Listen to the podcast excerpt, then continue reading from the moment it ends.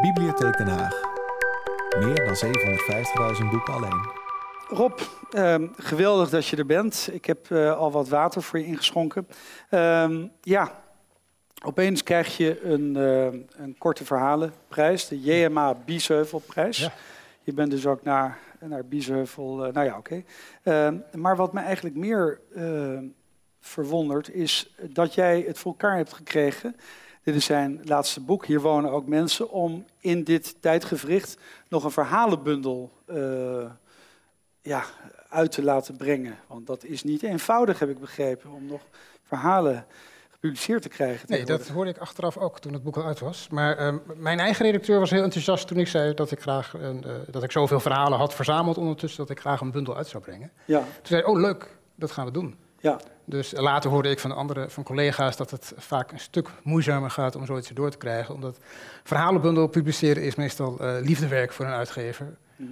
Eh, omdat je, ja, daar, dat zijn nooit bestsellers. Dat doen ze eigenlijk vaak eh, uit een soort aardigheid dan tegen de schrijver, wiens oeuvre ze waarderen, die ze graag binnen willen houden. En ze beseffen dan, nou ja, hij moest dat ei kwijt. Ja, precies. Moest jij een ei kwijt in die verhalen?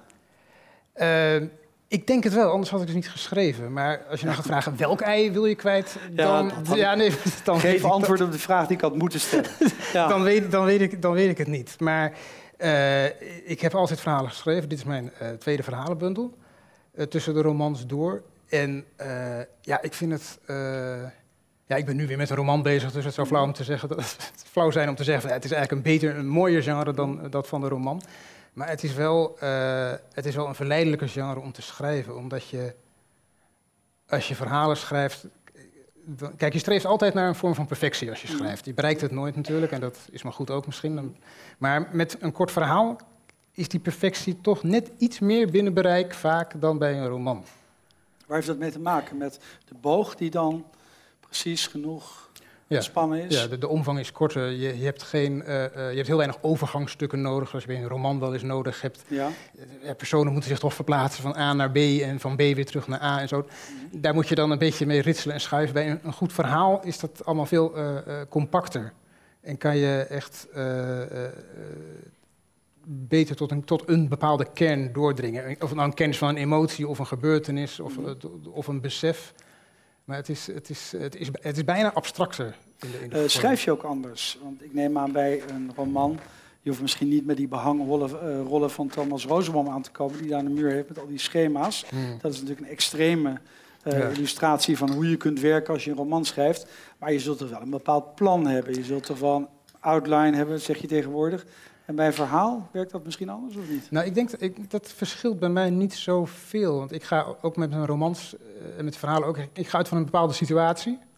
En dan eh, kijk ik hoe de personages zich daaruit gaan redden, meestal. Eh, ik heb meestal geen. Ik heb wel een vaag idee waar ik naartoe moet en wat voor einde het heeft. Het- Ja. Van het hele middenstuk kan ik me dan nog vaak niets voorstellen. En Maar als ik eenmaal bij het einde ben, verandert het einde ook weer. Maar het gaat altijd. Het is altijd. En dat is met die verhalen zo en met die romans ook. Ik plaats een aantal personages in een vrij moeizame situatie vaak.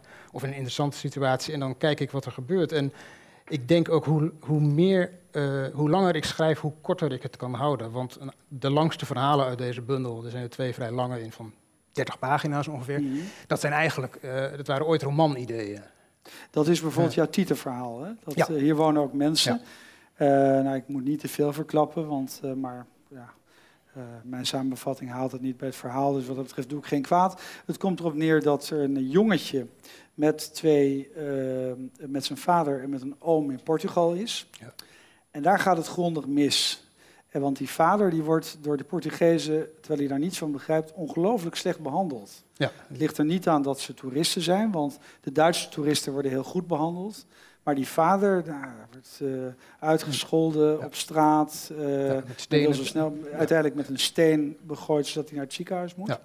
En hoe kom je eigenlijk aan zo'n situatie?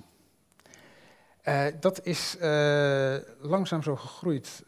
Ik heb dat. ehm, hij, het, is, het, het speelt in 1970, dus ze zijn in Portugal. Ze zijn dus heel ver weg voor die tijd, want niemand, Mhm. eh, het jongetje is misschien een jaar of tien, niemand van zijn klasgenootjes gaat naar Portugal. Dat zie je ook Eh, omdat hij de Beatle-nummers kent. Hè? Ja. Hey Jude. En, ja. Ja, en ehm, nou ja, de situatie waar die vader in geplaatst wordt, hij wordt voor een scheidsrechter gehouden die net Portugal een, eh, een, eh, uit de wereldkampioenschappen heeft gehouden door een buitenspeldoelpunt, uh, door een doelpunt af te keuren voor buitenspel wat er niet was. Dus Ja, en eh, dan blijkt die scheidsrechter zelf ook nog op dat moment in Portugal rond te zwerven. Dus ja, dat, is- dat is weer zo'n situatie. Ik bedenk het en ik kijk, kijk wat er gebeurt. je- En- eh, dat is ook werkelijk gebeurd, die scheidsrechter. En, nee, nee, helemaal Ah. niet. Dat, is, dat, is, dat klopt je echt kan mij alles niets. wijsmaken. Er klopt helemaal niet, niets van. maar- Ik heb het ook Ja. nagekeken. Van de kwalificatie ging toen heel anders. Hebben- Portugal Ja. heeft nooit een, nooit een kans gehad om zich voor het WK te kwalificeren in 1970. Was Ik Dus zag het wel nee. voor me. Ik dacht, een scheidsrechter die dit op zijn geweten heeft, die gaat dan in een soort kerve, als ik het goed heb, gaat hij Gods woord brengen Ja. in Portugal. Daar komt bij wijze van boetedoening, bij wijze van verzoening. Belgische Ja. scheidsrechter.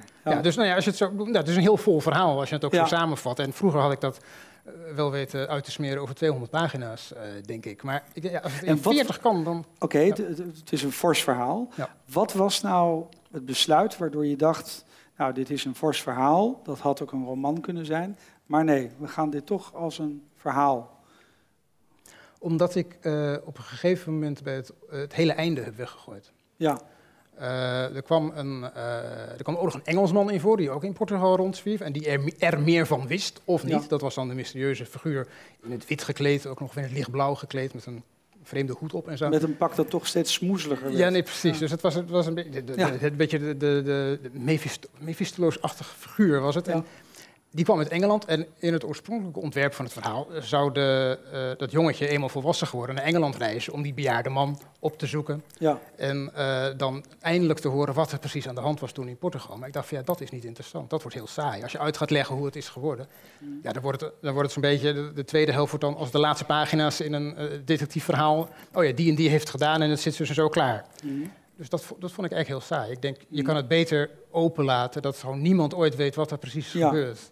En daarom laat ik hem op een gegeven moment eh, letterlijk het adres van die Engelsman, wat hij dan wel krijgt, opeten. ja. Dan, ja, dan kan niemand daarmee bij en dan zijn ze klaar. Dus dat is eigenlijk een soort ja, olifant met lange snuit die het verhaal uitblaast eigenlijk. Nou ja, het kan nog verrassender, hè? want eh, als je jouw bundel begint te lezen, dan ten eerste maak je kennis met God. En God die komt op bezoek bij Richard Dawkins. Ja, dat is ook, ja, ook weer zo'n situatie. Dat was ook letterlijk een situatie die ik heb verzonnen van... ik laat de grootste atheïst, de bekendste atheïst ter Ja. wereld... gewoon rustig op zijn bank zitten, En dan lezen... en dan opeens komt, in opeens komt God langs. Ja, dan Ja. kijken wat er dan gebeurt. Ja, en, ze nemen elkaars plaats in bijna als, eh, wat was dat ook alweer? Ja, ze wisselen van Eh, rol. Marieke feite. van Ja. Nijmegen of zo. Een middeleeuws verhaal waarin, ja... Alleen uiteindelijk is de verwarring compleet. Want wie is God, wie is Dawkins ongeveer? Precies. En, eh, en hoe komt dat zo in je brein tot wasdom? Ik heb geen idee. Nee. Dat heb ik dat, zeker bij dat verhaal niet, want dat heb ik eigenlijk, eh, dat was een stukje wat ik eigenlijk voor mijn blog had geschreven. Dat, dat is een van die zeldzame dingen die er dan ook in één keer uitkomt, waar Ja. je dan later nog een paar woordjes in moet veranderen. Maar Ja. dit is het. Wat het ook is, dat weet je zelf dan ook niet van, is dit nou een anekdote of is dit, werkt dit echt? Ja, Dus dan laat je het even een paar weken liggen, kijk je nog eens aan. Nee, denk, er is altijd een ongelooflijk ordinaire neiging, dames en heren, om de schrijver tot iets eh, autobiografisch terug te brengen. En eh, nou, ik ga me daar ook zeker aan houden. Dus eh, bij de Oh, voorbereiding kwam ik een interview tegen met Rob van Essen. En ik weet van, eh, als ik bepaalde gegevens, ook dat is natuurlijk heel hachelijk, hè, als ik die toch een beetje ja, realistisch neem. Dan denk ik, nou, Rob van Essen komt uit een, eh, een zwaar protestants nest. Daar is hij ja, van losgekomen. Dat heb je in een van jouw grootste romans kunnen lezen. Maar ik lees dan toch een interview met Rob van Essen, die dominee is, die voorzitter is van de Lucasorde en die bepaalde ideeën heeft over de genezing van zieken. Ja. En, en ben jij dat? Nee, Nee? dat is dus een heel andere Rob van Essen, met wie ik wel vaker eh eh, word verward. Ja, Maar dat ben ik absoluut niet. Hij bestaat hij, wel. Hij bestaat wel. hij is, ja, niet het is, dat ook, jij het is dat- ook geen creatie van mij. Ja. Ik wou dat ik hem verzonnen had. Dat zou ja. Fantastisch geweest. Maar het is uit een dominee. Hij schrijft ook boeken. Dus ik zie ook wel eens eh, eh, eh, catalogi van bibliotheken... dat zijn boeken ook tussen die van mij staan. Dat ik, ja. dat ik dan ook een boek geschreven zou hebben. Dat heet dan... Vergeving is geen witkalk. ja. Wat natuurlijk een fantastische titel is. En ik, ik, de verleiding is ook groot om ooit nog eens een boek te schrijven... met de titel Vergeving is wel witkalk. Ja. Om de verwarring compleet te maken. Maar Je hebt hem ook dit- nooit ontmoet. Ik heb hem, ik heb hem nooit ontmoet. Ja. Nee, nee. Maar jouw vader was natuurlijk ook schrijver. Mijn vader was schrijver, ja. Ja. Ja. En in de jaren zeventig. Wij In zijn min of ja. meer van dezelfde leeftijd. Dus Ja. dat was een tijd dat je al een forse puber was. Dus Ja, eind jaren 60, begin, eh, midden, tot midden jaren 70 was hij, eh, schreef hij kinderboeken. ja.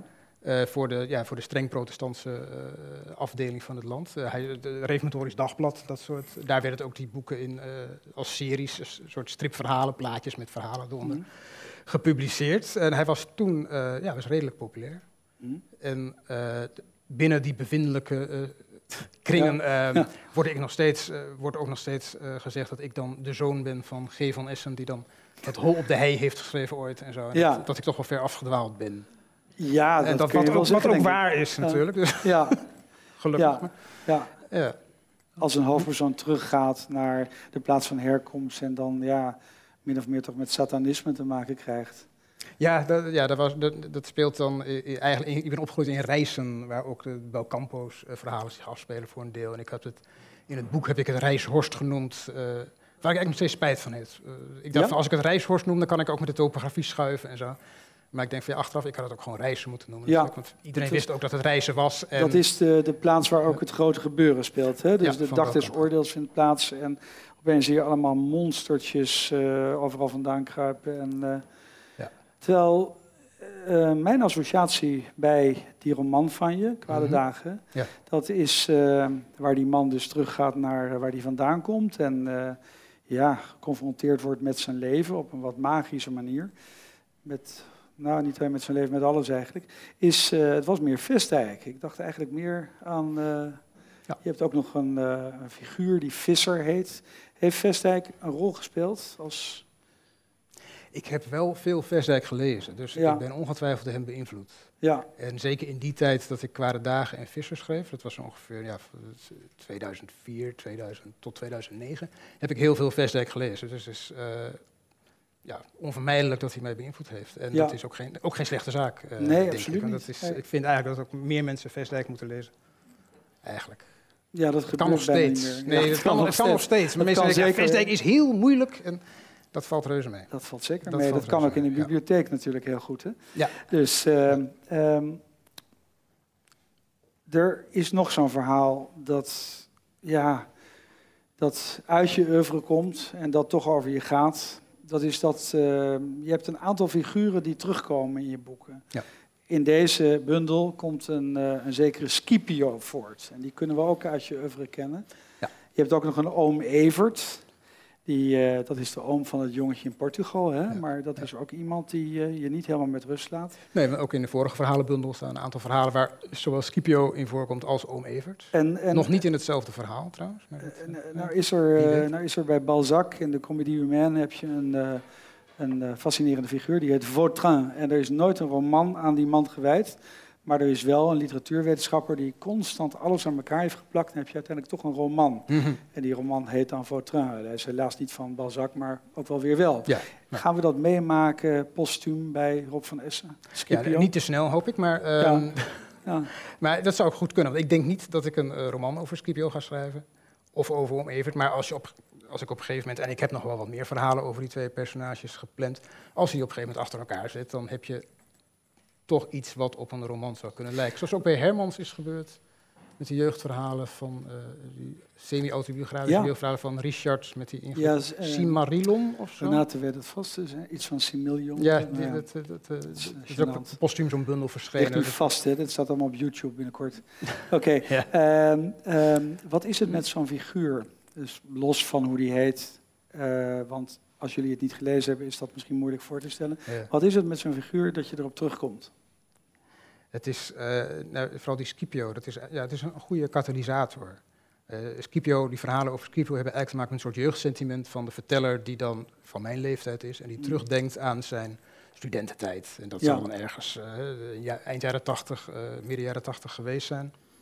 En Scipio staat eigenlijk alles voor, het, voor, de, voor de vrijheid en de roes en de dronkenschap uh, en de, de, onbezonnenheid van die tijd. En mm. tegelijkertijd heeft die verteller ook wel door dat dat, ja, dat dat ooit geweest is. En als je terugkijkt, dat dat vertekent. Maar hij is toch, heeft toch een soort voorliefde voor die tijd. Uh, het is bijna zwelgen wat hij doet, maar dat is het ook mm. niet meer. Want Scipio is op een gegeven moment op een vervelende manier aan zijn eind gekomen. Dus het, mm. is ook, het is ook nog een trauma wat hij bij zich draagt. Maar hij kan veel jeugdherinneringen, studententijdherinneringen ophangen aan die figuur. En dat maakt hem zo dankbaar. Want je kan, daardoor, daardoor is eigenlijk uh, zo'n figuur onuitputtelijk, omdat je heel veel daaraan kan ophangen. Ja.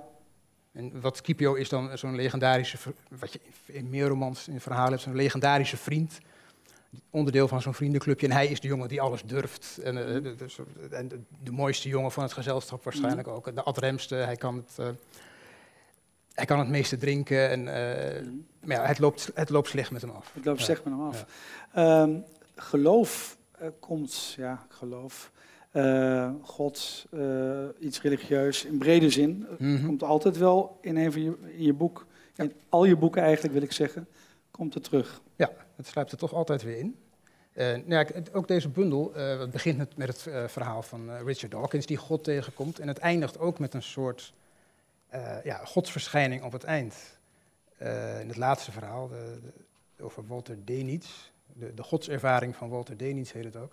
Mhm. En ik had, eh, eigenlijk had ik zelf niet eens door dat Mhm. ik deze bundel begon en eindigde met een verhaal waar God in voorkomt. Dat, Mhm. dat, dat vertelde iemand mij toen die bundel al klaar was. Mhm. Die vond het een, goed gecomponeerd, maar ik had het blijkbaar voorkomen onbewust. Was het een willekeurige, was het de volgorde van de verhalen die je nou eenmaal zo schreef en verhaal na verhaal wat je afvat? Nee, nee dit, is, dit is niet op chronologie van, van schrijven. Het is meer, eh, ik heb daar een soort intuïtief ritme in proberen aan te brengen. Mijn eerste idee was eigenlijk, ik begin met het kortste verhaal en ik eindig met het langste. Ja, Want het is altijd, dat is altijd met een verhalenbundel is het moeilijk uit te maken, ja, hoe, de volgorde, hoe zet je ze in godsnaam achter elkaar? Mhm. Dus als ik met de kortste begin en ik eindig met het langste, dat is misschien gewoon handig, maar dat werkte helemaal niet. Mhm. Dus toen ben ik gewoon, ja, gewoon gaan schuiven eh, Ja. met titels, eh, tot ik dacht van, dit is het misschien wel. Mhm. En dat dat begon en eindigde met een verhaal over God. Ik had geen idee, maar Mhm. dat is. eh, ja, dat, dus je onbewuste speelt daar waarschijnlijk ook Mhm. gewoon een, een, rol mee, een rol in. Ja. Ehm, we, we zijn vrij achterloos aan voorbij gegaan. Hè? Je vader schreef, dat betekent dus dat in die tijd uh, tikte hij waarschijnlijk. Ja. dat geluid, dat was voor jou denk ik, nou ja, zoiets als ehm, geluid uit de keuken, iets heel normaals. Dat was heel normaal. En dat, daarom was het voor mij ook heel normaal om te gaan schrijven. Ik heb de eerste dingen die ik schreef ook op zijn typemachine Hm? gedaan. Dat was een, eh, eh, een oude Erika. En ik geloof dat hij nooit geweten heeft dat in- uit Oost-Duitsland kwamen. Dat, dat wil je ook niet als christelijke schrijver natuurlijk. Maar Hm? Dat was nou eenmaal het geval. En daar heb ik ook, eh, ik, volgens mij heb ik hem, ja, nee, daar heb ik mijn eerste verhalen ook nog op, op getypt. Dus de drempel om te gaan schrijven was voor mij heel laag, omdat het thuis werd gewoon geschreven. Ja. Je bent gedebuteerd in een tijd dat er nog niet zoveel debutanten waren als nu het geval is. Hè? Nee, Hoe was dat? Nou, ik ben toen eh, vrij onopgemerkt eh, gedebuteerd. Dat was in eh, 1996. Thomas Rap was dat, hè? Ja, ik zat Ja. bij Thomas Rap, Uitgeverij Thomas Rap. uitgever Ja. Thomas Rap, een nieuw onderdeel van de Bezige bij, maar toen nog een kleine onafhankelijke uitgeverij. Thomas Rap leefde zelf nog. Dat was Ja. een soort ja, gezellige bende aan de Staalstraat in Amsterdam. Ja. Eh, dat was. eh, ik vond, ik vond het, ja, dat was heel raar om te debuteren eigenlijk. Omdat, toen had je, ook- je had toch geen internet en zo, dus je kon, bedoel, dat afhankelijk van een paar kranten of die er al dan niet eh, interesse in hadden en aandacht aan besteden.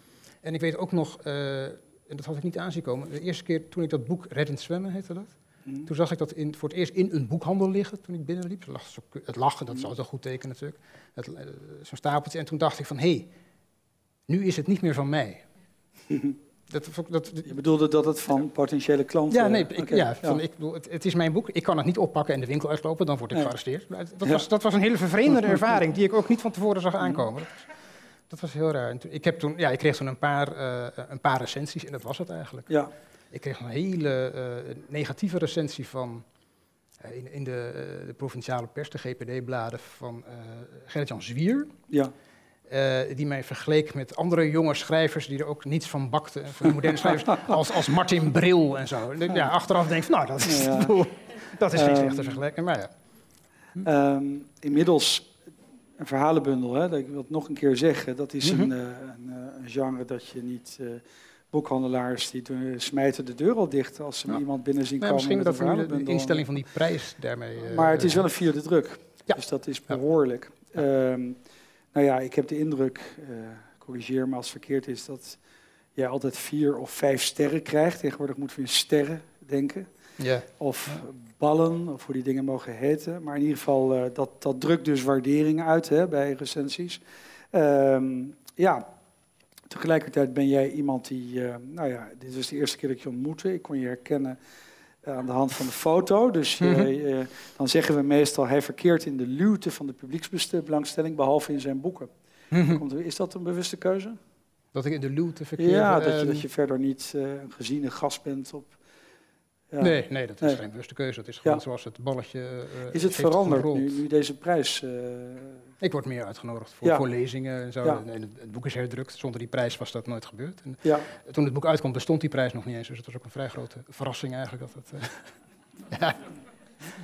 was dit bestaan eigenlijk wat je voorstelde toen je ging schrijven? Ehm, ja, min of meer wel. Ehm, hoewel, je hebt natuurlijk een heel romantisch idee van het schrijverschap. Het is, ook, ja, het is gewoon hard werken, dat wat, ik Ja. nu heel, wat ik nu heel prettig vind, maar waar ik vroeger geen voorstelling van kon maken. Want je bent ook literair criticus voor NRC Handelsblad. Ja, ja. En je bent ook vertaler. Hè? Vertalen en ik doe ook eh, freelance redactiewerk voor Kortom, je werkt heel hard. Ja. Ik, ik, ik, ik werk, werk vrij hard, ja. Ja. En dat, ja, dat is niet wat je... Ja, je stelt natuurlijk... Je denkt het is een heel interessant leven, het schrijversleven. En dat is het ook wel. Maar het, vooral het schrijven zelf is interessant. En Ja. Ik begrijp schrijvers ook nooit, eh, collega's die zeggen van... Ja, het kost me zoveel moeite, ik vind het schrijven niet leuk. Dat begrijp ik niet. Het is echt het is een van de mooiste dingen die je, die je in je eentje Ja, kan doen. eigenlijk. schrijvers die dat zeggen, eh, dat zijn vaak schrijvers die op een gegeven moment denken... ik zit nu in een fuik gevangen. Mhm. En eh, ik heb hier ooit voor gekozen, min of meer uit romantisch motief. En ik kan er niet meer uit. En nu ben ik 50 en ik moet nog een aantal jaren door. En daar gaan we weer. En het staat haaks op het leven. Ik wil eigenlijk leven, maar ik kan niet leven, ik moet schrijven. Ja, nee, ja die, die tegenstelling tussen schrijven en leven, die zie ik niet.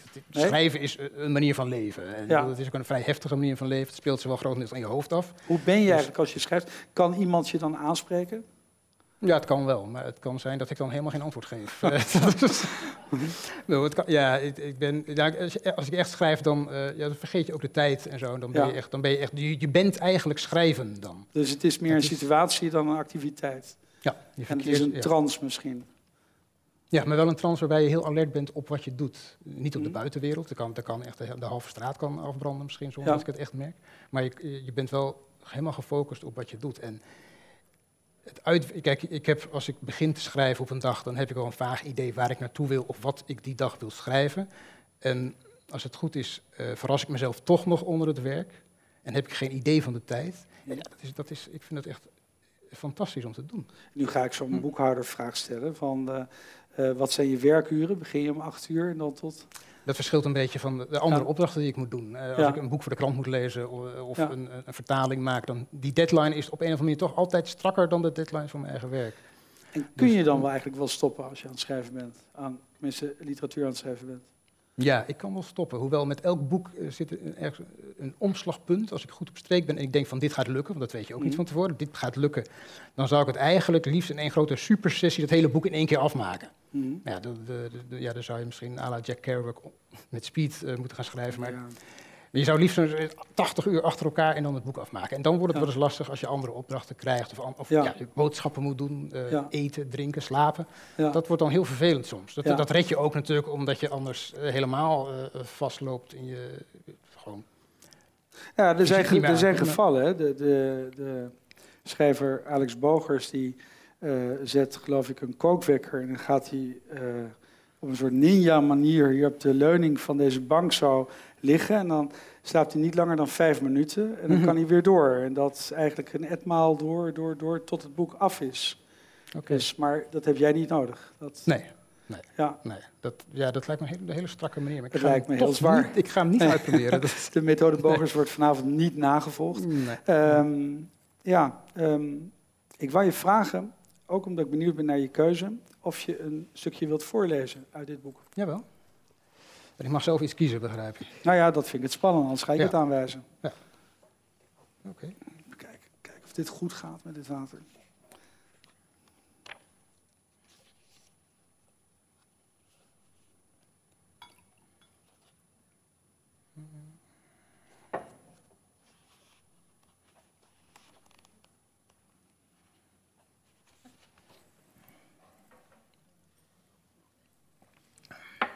Jij roept wel ho?